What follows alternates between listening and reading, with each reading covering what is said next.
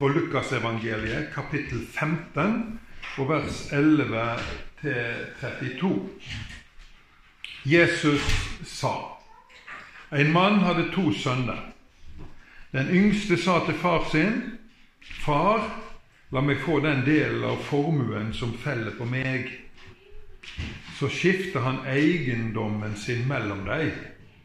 Ikke mange, mange dagene etter solgte den yngste sønnen alt det han eide, drog til et land langt borte. Der levde han et vilt liv og sløste bort formuen sin.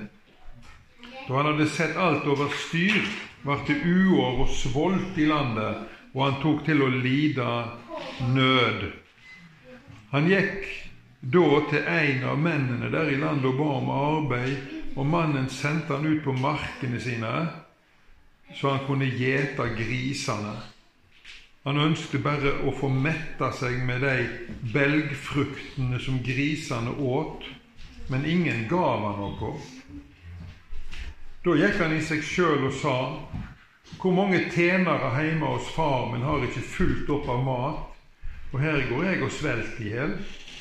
Jeg vil bryte opp og gå hjem til far min og sie:" Pappa, jeg har synda mot himmel og mot deg. Jeg er ikke verdt å kalle sønnen din lenger, men la meg få være som en av tjenerne dine. Så brøt han opp og gikk hjem til faren sin. Mens han ennå var langt vekke, fikk faren se han, og han fikk inderlig medfølelse med han. Han sprang imot han, kasta seg om halsen på han og kysste han. Da sa sønnen, 'Pappa, jeg har synda mot himmel og mot deg. Jeg er ikke verdt å kalle sønnen din lenger.' Men faren sa til tjenerne, 'Skynd dere, finn fram de beste klærne å ha på han, og la han få ring på fingeren og sko på føttene.' Hent så gjøkalven og slakt den, og la oss holde måltid og feire, for denne sønnen min var død og er blitt levende og han var bortkommen og er gjenfunnet.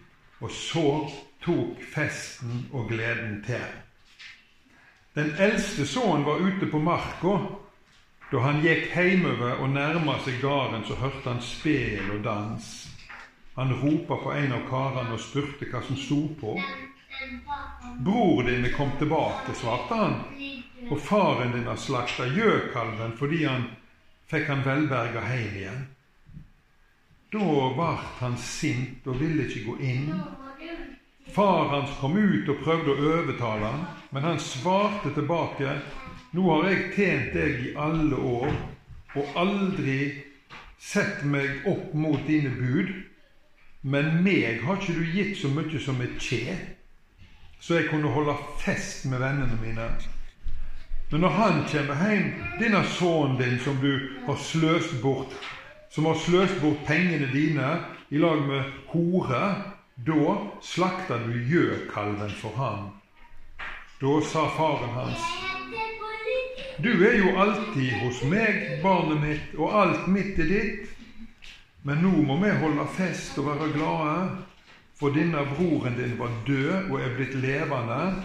Han var bortkommen og er gjenfunnet. Hellige Far, helge oss i sanninga. Ditt ord er sanning. Denne fortellingen er jo ei likning. Det handler egentlig om oss og Gud, alt sammen. Du er skapt av Gud for å leve sammen med Han, og leve foran.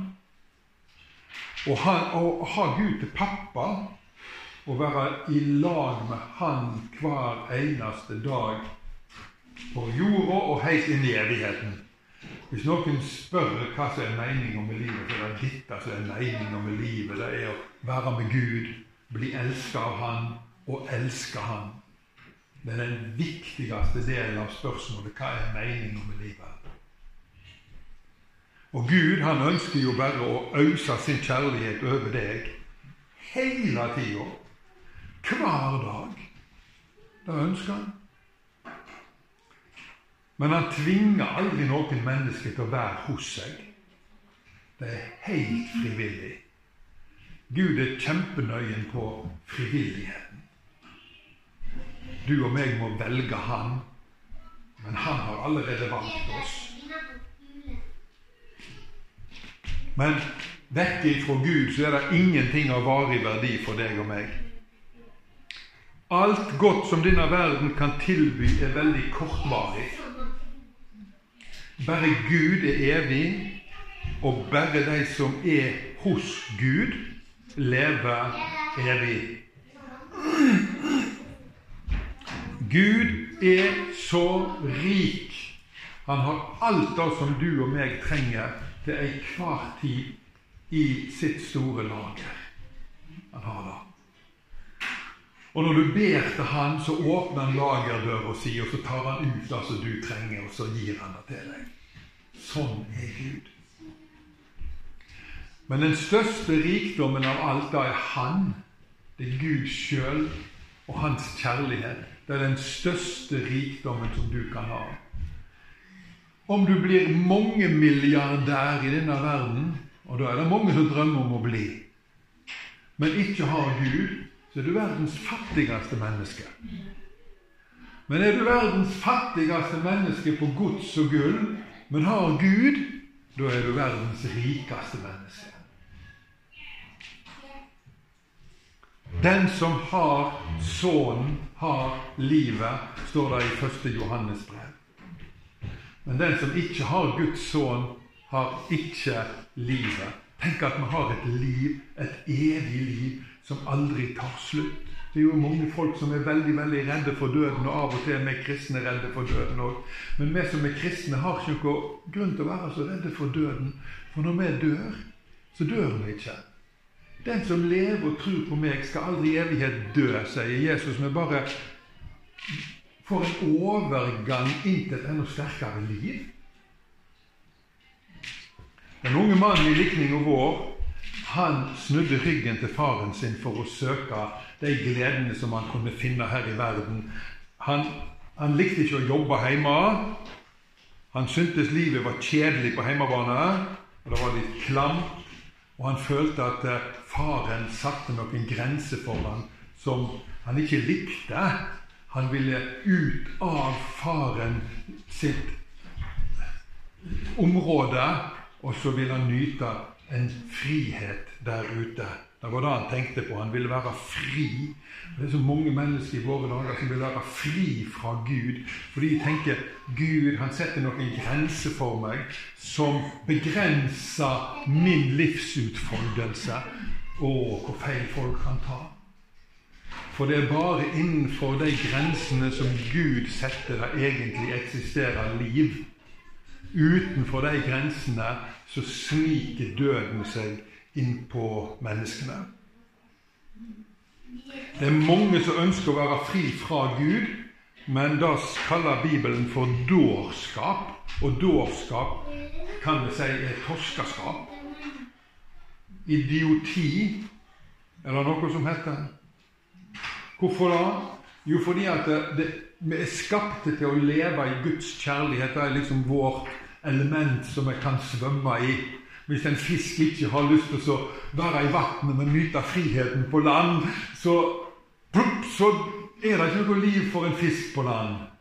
Og Sånn er det for deg og meg òg. Når vi svømmer i Guds kjærlighet og innenfor de grensene som Hans kjærlighet setter for oss, da er vi levende og friske og fine. Og vil vi utenfor da, så møter vi dødens veldige krefter. Mange kristne i våre dager kjeder seg enormt. Åh, jeg syns det er kjedelig å være kristen. Jeg har, jeg har møtt noen som sier det. Men det er fordi at de har kommet på avstand fra Gud. Og når vi kristne kommer på avstand fra Gud og ikke lever nær Gud, da blir kristenlivet fryktelig kjedelig. Da får vi lyst til noe, å være noe annet enn kristne. Ikke kristenlivet som ikke er det det andre som ikke fungerer i samsvar med det som egentlig skulle fungere. Ja, ikke sant? Ja. Men kjærligheten til Gud har kolna. Og det skjer av og til hos oss kristne at kjærligheten til Gud kolner. Vi blir lunkne. Og kanskje er du det. Da vet jeg? Jeg er faktisk talt ofte det, altså. At det kolner. Huff a meg. Da handler det om å vende om. Bibelen sier at når du har kolna, så kan du vende om og komme tilbake igjen til varmen, til eldstedet, til Guds hjerte der det brenner, og der du kan få Guds kjærlighet øst ut i ditt hjerte på nytt. Snakke ærlig ut med Gud om livet ditt, og be Han om å fornye deg og forfriske deg.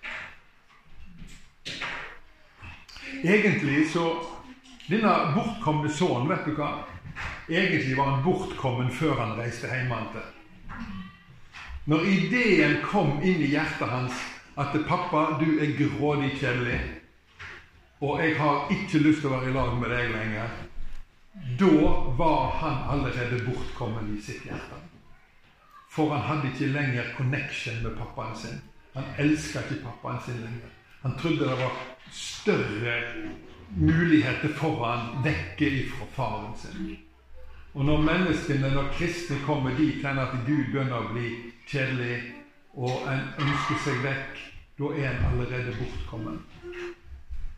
Men det er lurt å vende om så tidlig som mulig i prosessen. Så det er ikke det her får liksom eskalere. De fleste ikke-kristne her i verden som kanskje aldri har kjent Gud. De lever jo stort sett ok liv. Og de, mange syns det er veldig fint å leve. Og de er ikke kommet i grisabingen på noen måte. Og de har det hyggelig. De er ofte hjelpsomme, de er omtenksomme, som ja, normale folk ofte er. Gode naboer, gode arbeidskollegaer, det er ikke noe spesielt galt med de ikke-kristne. Men hva er, hva er, problemet da? Hvis ikke det er noe spesielt galt, folk lever gode liv og har det fint, hvorfor i all verden skal vi da si at de må ta imot Jesus og bli kristne og komme til Gud? Jo, fordi at det da er Guds plan med alle menneskers liv, også de som ikke er kristne. For det som de lever i nå, det vil bare ha svært kortvarig verdi. Vi har så veldig lyst til å lede dem inn i noe som har en evig verdi. Så de kan få evig liv i Jesus.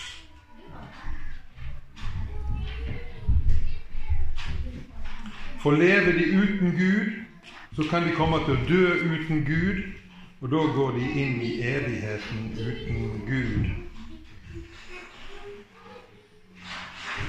Det er ofte de som det går dårlig med, som søker Gud. De som ser at de har grunn, grunn til å angre på en masse ting de har gjort. Og de som ikke fikser livet sitt på en eller annen måte.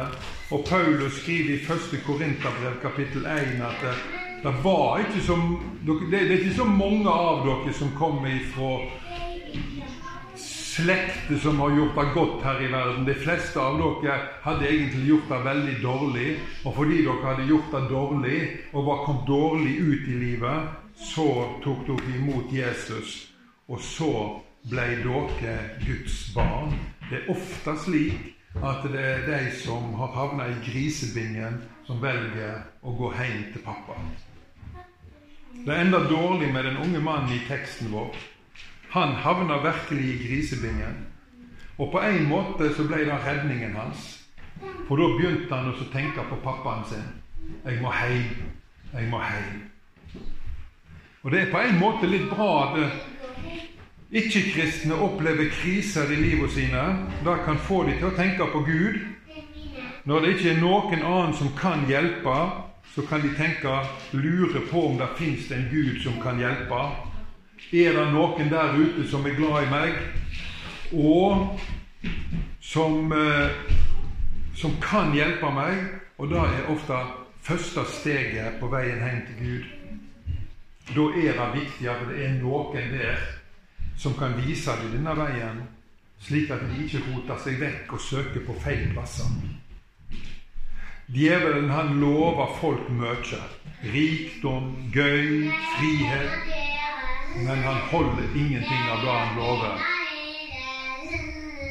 Vi husker i Edens hage når Eva sto der og så, så på denne frukta, og djevelen var i denne slangen, og så sa han Vet du hva? Hvis du eter av den frukta der, så skal du ikke dø, men du skal bli akkurat sånn som Gud og kjenne forskjell på godt og vondt. Gud har løyet for deg. Han vil ikke at du skal få de godene som han har. Så begynte Eva å tenke på det. Ja, kanskje er det sånn at Gud har lurt meg. Kanskje er ikke Gud så god likevel. Kanskje er det slangen som er den klokeste og den beste. Kanskje å, han kan love meg å bli som Gud. Det hadde vært ganske kult. Ja. Men var det nødvendig, da? Trong Eva å bli som Gud? Nei, hun trong ikke bli som Gud, for hun var som Gud. Hun var skapt i Guds bilde, hun. Så djevelen lagde noen falske tanker inni hodet hennes, og så gjorde hun en feil ting. Sånn er det ofte. At djevelen han kommer til menneskene og skaper falske tanker i hodene deres. Men da må vi gå til boka og si at det er det som, det er det som står her i boka, det er det som er sannheten. Derfor er det så viktig for oss kristne at vi leser Guds bok og at vi hele tida blir mata med sannheter fra Gud. Hvis vi slutter med det, så er vi fort et offer for djevelens løgner.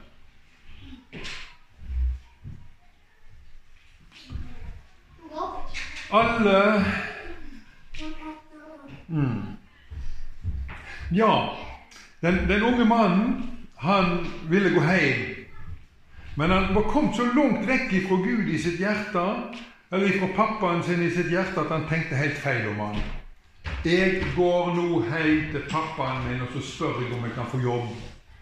Om jeg kan få lov å jobbe hos han, være en tjener i huset hans. Han er sikkert sint på meg, han er sikkert sur på meg. Og det er slett ikke sikkert at han vil ta imot meg som en sønn, som et barn. Nei, da tror jeg egentlig ikke han vil. For nå har jeg skusla vekk hele arven min. Men kanskje jeg kan få jobb, så jeg kan få lønn. Sånn tenkte han. Så feil tenkte folk om Gud. At eh, ja, kanskje vil Gud elske meg bitte litt, men ikke så veldig mye. Kanskje vil han gi meg litt bra ting, men ikke alt. Så feil kan vi ta av Gud. Men Gud, han gir alt til alle som kommer til han med hele seg. Så enkelt er det.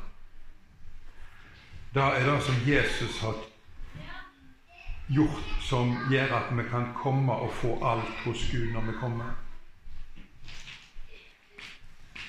Når denne unge mannen bestemte seg for å gå hjem, så var det som en omvendelse i livet hans. Han snudde ryggen til grisene, og så ansiktet mot Gud. Og så begynte han å gå hjem. Det, det er det som er omvendelse. Det er å snu ryggen til det som er vondt og feil, og så er det å snu ansiktet mot Gud. Og når han kom hjem nå, så ble han så overraska for pappaen kom springende imot han, full fart. Og Det betyr at pappaen hadde måttet ha stått ute og kikka nedover veien. Kanskje store deler av dagen så, så han etter gutten sin. Kom han nå snart? Kom han nå snart? Det gikk sikkert kanskje mange dager, mange uker, mange år. Men så en dag så så han en liten prikk langt der nede som kom nærmere. Og etter hvert så begynte han å kjenne igjen gangerlaget hans. Og han skjønte det er sønnen min som kommer.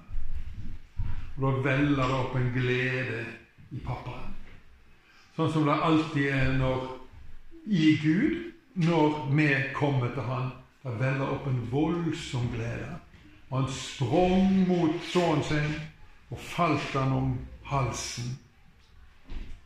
Slik tar Gud imot alle syndere som kommer til Han. Hvordan kan han da? Jo, fordi Jesus har betalt for alle syndene våre. På korset så bare tok han de vekk. De gjelder ikke lenger. Det er ingen som kan straffe oss for våre synder, for Jesus tok straff for på seg. Derfor så kan vi bare springe til Gud og bli mottatt og overøst av godhet. Da husker jeg sjøl første gang jeg opplevde dette, da jeg kom til å totalt forvandle livet mitt. Jeg trodde ikke at Gud kunne ta imot meg med en sånn kjærlighet. Men jeg opplevde at Guds kjærlighet ble øst ut i hjertet mitt ved Den hellige ånd. Det ble en stor forvandling. En gjenfødelse. Jeg ble et barn av Gud. Hvordan folk føler dette å komme til Gud, er veldig forskjellig.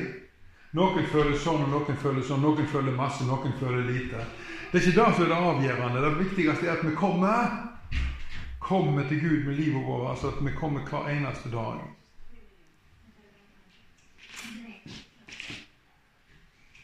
Faren hadde egentlig to bortkomne sønner.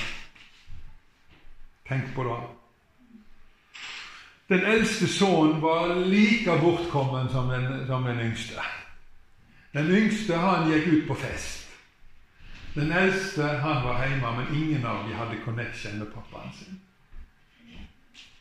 Så pappaen kjente seg fattig. Den eldste sønnen han kjente ikke pappa lenger.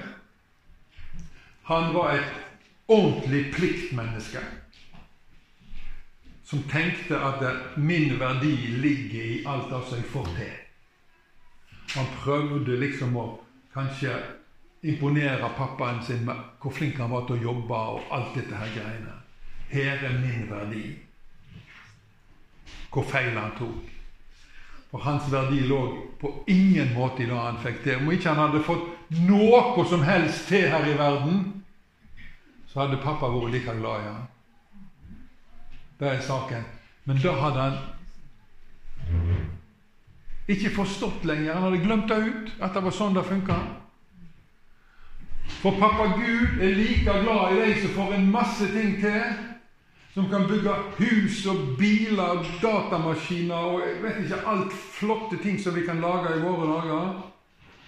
Og en stakkars person som på en måte har kommet i grisebingen Av samme verdi for Gud. Det må vi forstå, for det er sånn det er. Men denne eldste sønnen han tenkte jeg har vært så flink så lenge, jeg har fått til så masse. her. Gud må nå elske meg mer enn Han sa ikke engang broren min, men mer enn sønnen din. Han ville ikke erkjenne at den yngste sønnen til faren var hans bror. Tenk på det. Sånn er det ofte med oss at det, vi kan begynne å se ned på hverandre hvis det mislykkes.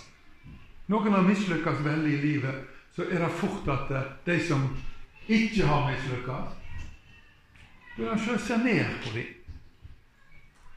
Men jeg kan si at i forhold til Guds krav og standard, så har vi mislykkes alle sammen. Det fins ikke et eneste vellykka menneske på jorda. Jo, det er bare én som har vært vellykka. Og hans navn er Jesus. Han holdt den standard som Gud hadde satt. Vi andre har mislykkes alle sammen. Men når vi tar imot hans Han så får vi del i hans vellukkethet. Tenk på det. Da kan du rose deg av Kristi vellukkethet. Og så blir du elska av Faderen på samme måten som han elsker sønnen sin. Hans velbehag blir øst over deg. For når Jesus ble døpt, så sa han dette er sønnen. I Han har jeg velbehag. Og Gud har velbehag i alle som har tatt imot sånn. Har ingenting med hvor mye flott du har fått til, hvor flink du er i fag, og hvor flink du er sosialt, og alt dette her. Det er ingen rolle. Alle står på lik linje. Den som er i grisebingen, og den som sitter ved kongens bord. Alle er på lik linje. Alle må ta imot Jesus for å få Guds velbehag.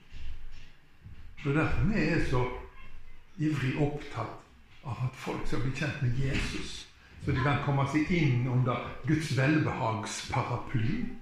Tenk på det. Der har jeg vært siden 1974. Vidunderlig.